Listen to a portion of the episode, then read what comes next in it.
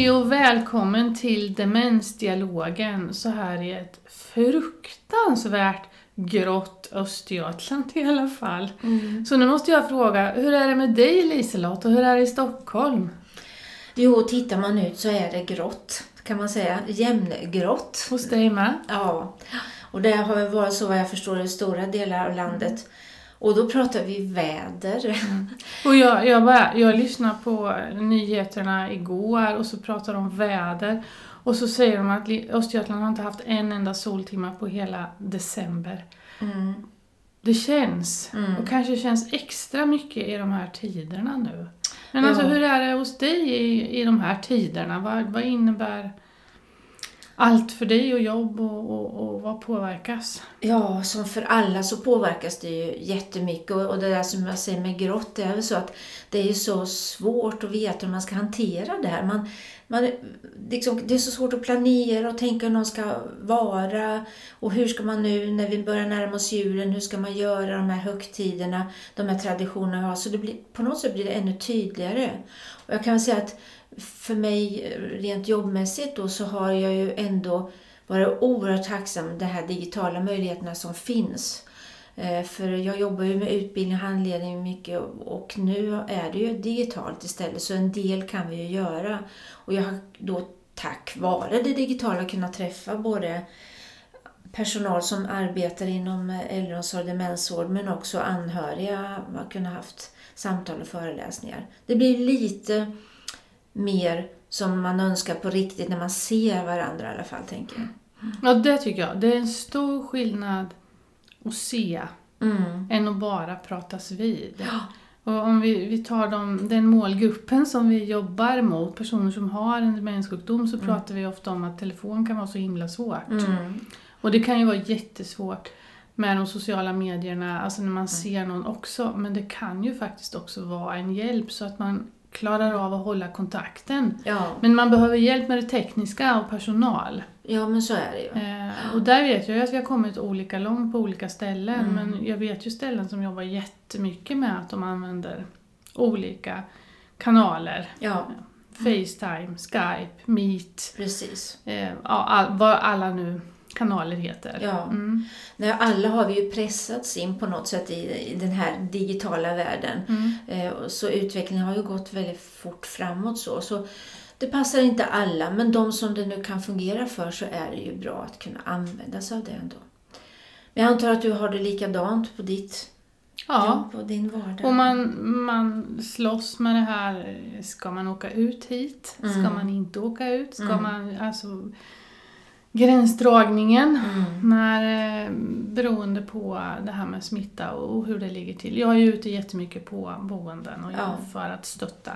Och samtidigt är det ju så att när jag är ute så behövs det ju hjälp. Det är ju inte så att det kan vänta tre månader. Nej, Nej. det, det är här och nu som gäller också. Mm. Men, men jag, jag vet inte hur du känner Kerstin, men vi, vi sa ju innan vi skulle trycka på startknappen i inspelningen att vad ska vi prata om? Som alltid så försöker vi fånga vad är det som är aktuellt nu och vad har vi varit med om. Och, alltså jag känner mig väldigt uppfylld av alla möten med personal, hur de har det.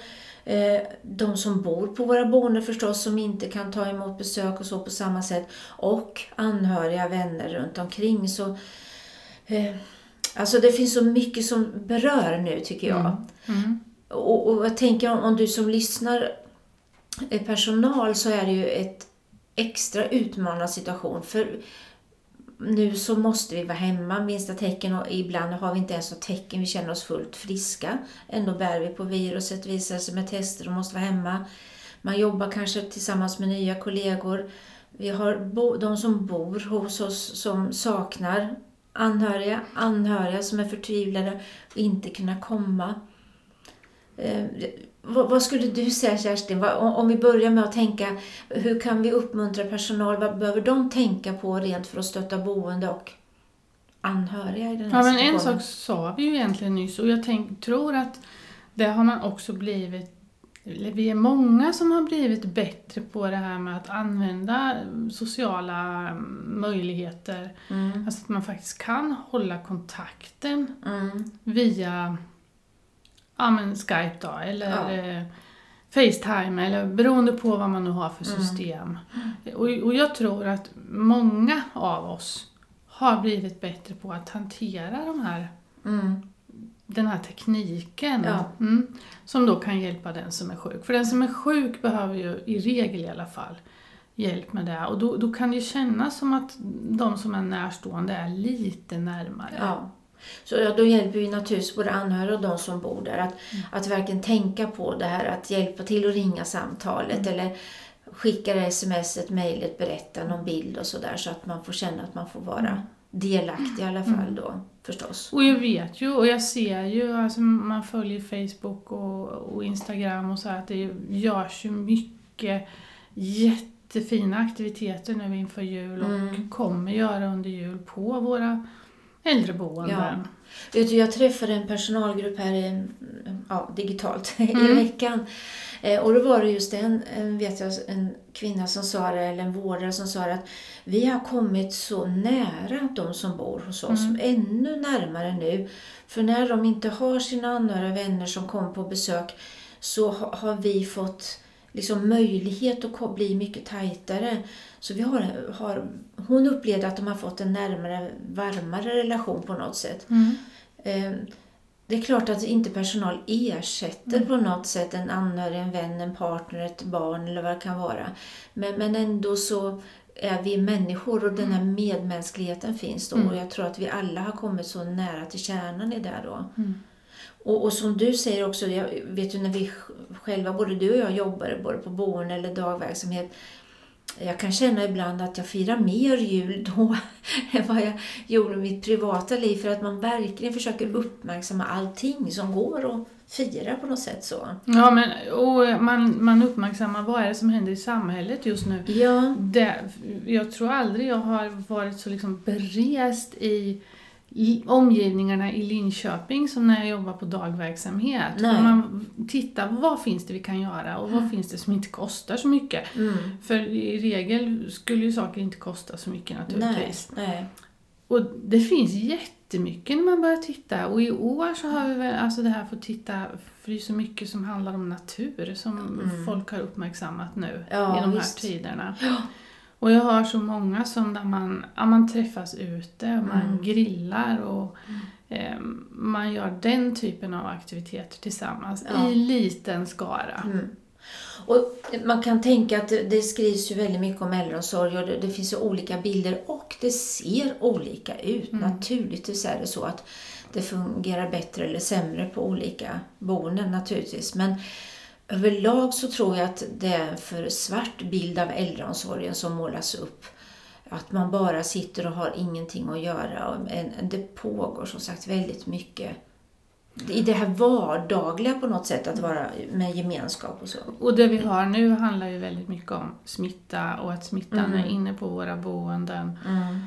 Och, och det hemska med det, och det är ju naturligtvis jättetragiskt att vi har fått in smitta Mm. på våra boenden. Men jag tänker det är inte där vi fokuserar idag, utan vi fokuserar mer på vad kan vi göra och hur Ja. kan vi...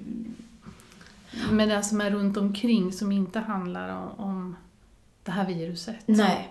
Och, och vi brukar ju nästan alltid ta upp det här med levnadsberättelsen och alltså det här vad, vad livet var, hur har jag firat och sådär. Och, och det är väl också verkligen extra viktigt nu då som personal att man eh, tar tillvara på det här. Vad har jag för kunskap om den här personen som bor hos oss?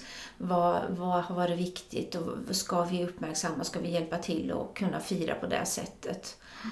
Laga just den maten eller ja, uppmärksamma, sjunga de där sångerna eller vad det nu kan Men vara. du, nu måste jag bara göra ett sidospår. Jaha. När du sa le- levnadsberättelsen så bara kom jag på, jag är lite fylld av levnadsberättelsen just nu för vi i Linköping håller på att revidera och titta på, alltså det är ju tio år sedan vi gjorde den Mm. förra. Ja. Det är dags att, att, att titta på det igen. Och sen så var jag på ett webbinar där man pratade en hel del om det här med, med stress Mm. och hur det påverkar stress hos den som är sjuk, Mm. alltså inte hos mig. Så Jag kan ju vara stressad. Ja, ja, och det kan ju smitta också, det har vi ju pratat om i ett Mm. annat avsnitt. Det här med att om jag är stressad så smittar det dig, eller om jag är glad så, så Mm. smittar det också dig. Men, men det här med stressen, alltså att ha kunskap om hur har den här personen hanterat stress. Mm. Det finns ju de som inte har tyckt om jul och som blir stressade av jul. Precis. Mm. Och hur är man van att hantera det? Och Mm. vet vi det som personal? Mm.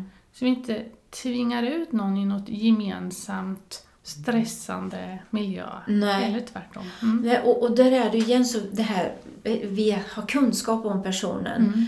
Eh, Så vi inte förutsätter att den myspysen, det kan vara jättemycket svåra känslor som väcks. Och egentligen om vi tänker för oss alla, är det inte därför, alltså det här nu när vi börjar närma oss julen och hur ska vi få fira jul? Det är viktigt för oss alla. Mm. Och en del kanske kan tycka att vad skönt att det inte bara är jag som är ensam det här året. Nu får andra vara instängda och, och ensamma också. Mm. Känna ett, ett lugn eller faktiskt en gemenskap i det. Det är inte bara jag som är ensam och alla andra firar med sina familjer och så. Mm. Och då om vi tänker det här med stress och dåligt samvete igen, då, då vet vi ju sedan tidigare, eller erfarenhet också, att en del anhöriga kan känna att, att jag borde hälsa på, jag borde ta hem min förälder, jag borde ta hem min partner. Och för vem skull ska jag göra det här? Mm. Ehm, Eller jag vill ta hem min partner, jag vill ta hem min mamma. Ska jag göra det i de här tiderna? nej. Mm. Ska jag utsätta henne för att bli smittad genom att komma hem till mig? Mm. Eller hur, hur ser det ut för mig? Jag, jag kanske är ganska isolerad och då går Ja. det bra. Men man slits hela tiden med det här. Ja, och då kan vi ju tänka, om vi nu ska ge, försöka ge oss på att ge något råd, så är det ju där att det där är också individuellt förstås. Mm. Eh, om man själv känner att det här är viktigt för mig, att jag tar hem min, min partner eller min mamma eller pappa, då är ju det viktigt. Sen kanske det inte är det allra bästa för den personen om man har en demenssjukdom som är långt framskriden. Det kan vara svårt med miljöombytet. Mm. Det kan vara svårt att det blir mycket ljud och ljus och flera personer runt omkring. Så där bör man ju ha en dialog, tänker man, vad tror vi är bäst för den här personen? Men alla är ju viktiga. Är det Mm. viktigt för mig så, som anhörig så är det okej. Mm. Jag tänkte också, jag hade ett annat forum som riktar sig mycket runt anhöriga här också i veckan. Och, för du nämnde det här med dåligt samvete eller skuld Mm. och sådär. Och då var det en anhörig som sa att det var någon personal som sa till mig Du behöver inte ha dåligt samvete för vi- har det bra här och tänk lite på dig själv. Och då hade hon känt att Nej, men jag har ju inte dåligt samvete. Borde jag ha det kanske? Eftersom de säger så Mm. till mig. Och det kan man väl skicka med tänka till personal att, att vi ska inte berätta för någon annan vad du borde känna. Nej. För har man inte dåligt samvete så får man då det skrivet i, i pannan så kanske jag då får skuldkänslor för det, även om det var Men- gott menat. Vet du, jag tänker tillbaka när du och jag jobbade ihop på dagverksamhet. Mm. För på en dagverksamhet gör man väldigt mycket roligt. Det är i alla Ja. fall min erfarenhet av det. Och då var det en, och vi skrev ju dagbok. Så vi skrev ju varje dag vad vi hade gjort och vi skrev det liksom tillsammans med den som var sjuk så de var delaktiga där som skrevs. Även om de hade glömt det en stund senare. Mm.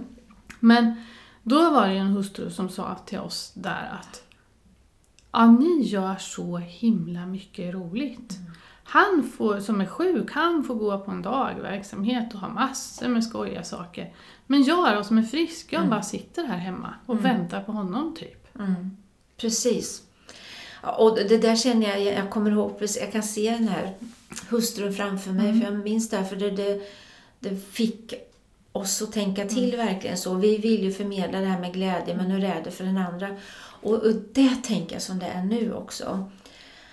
Att om du som lyssnar har en eh, god vän eller någon släkting, vad det är, där det finns både någon som är sjuk på boende men också den här som blir ensam kvar hemma. Glöm inte bort den där som sitter ensam nu, Nej. hemma. Mm.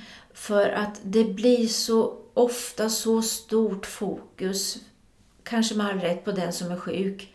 Men där finns det en gemenskap, det finns liksom en omtanke, det, man får mat, man får mediciner, man, man får det här sociala.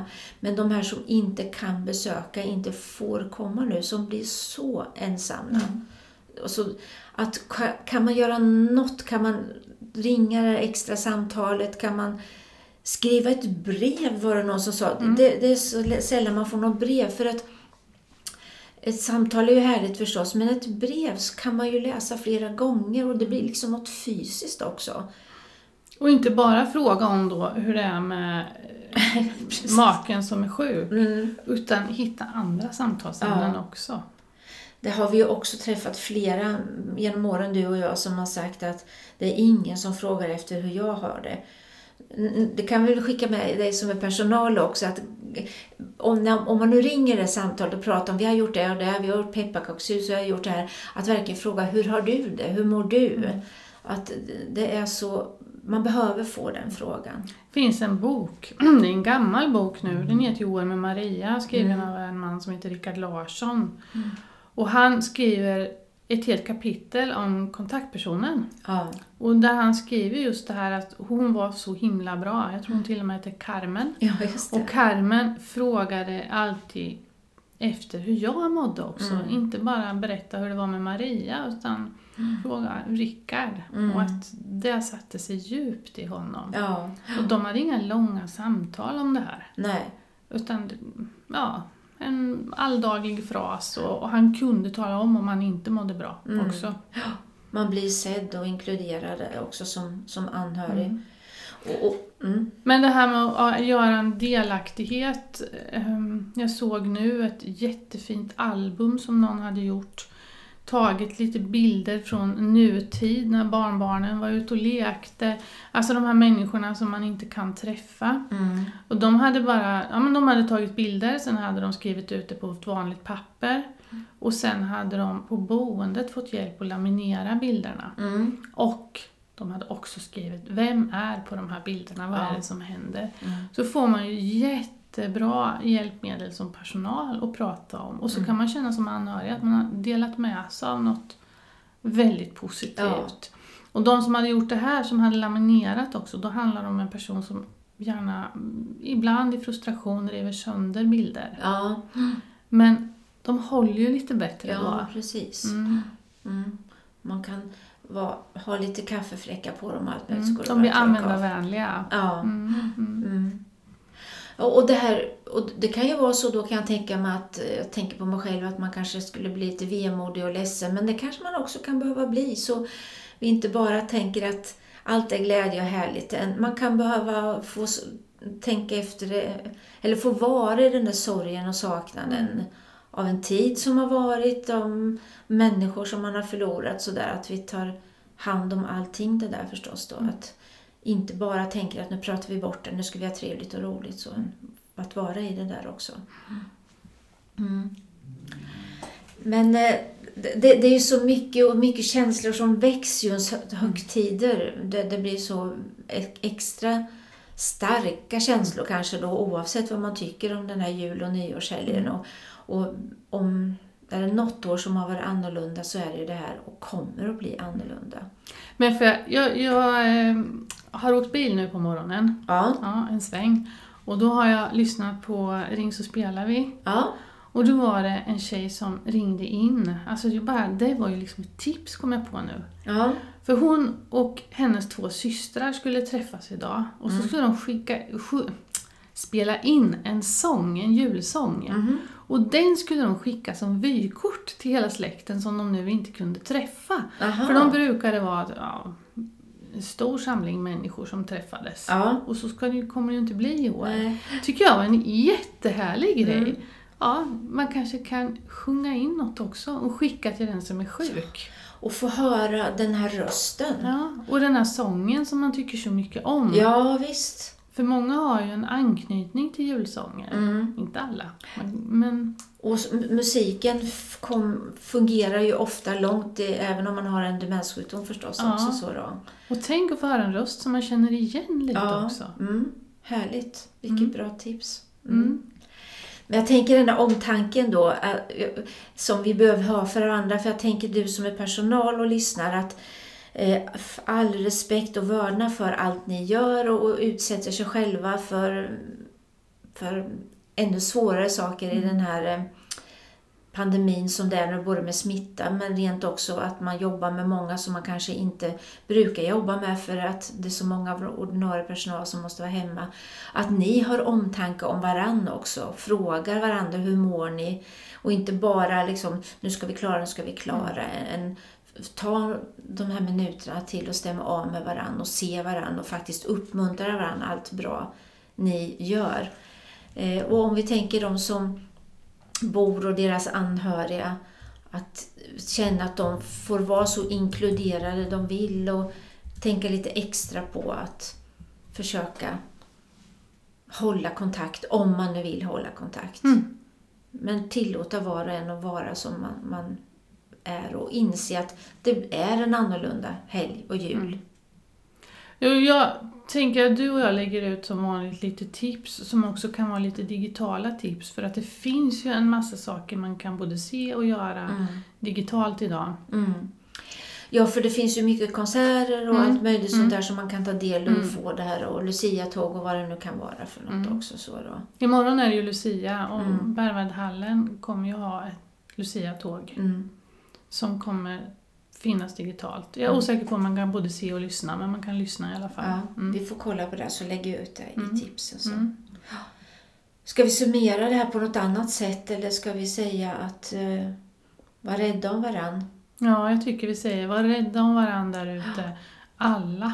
Från olika perspektiv, att försöka att vi har lite extra tålamod med varandra och förståelse för alla olika situationer vi är i. Och vi hoppas att alla får en god jul fast det kommer vara väldigt annorlunda i år. Mm, För många. precis. Hej!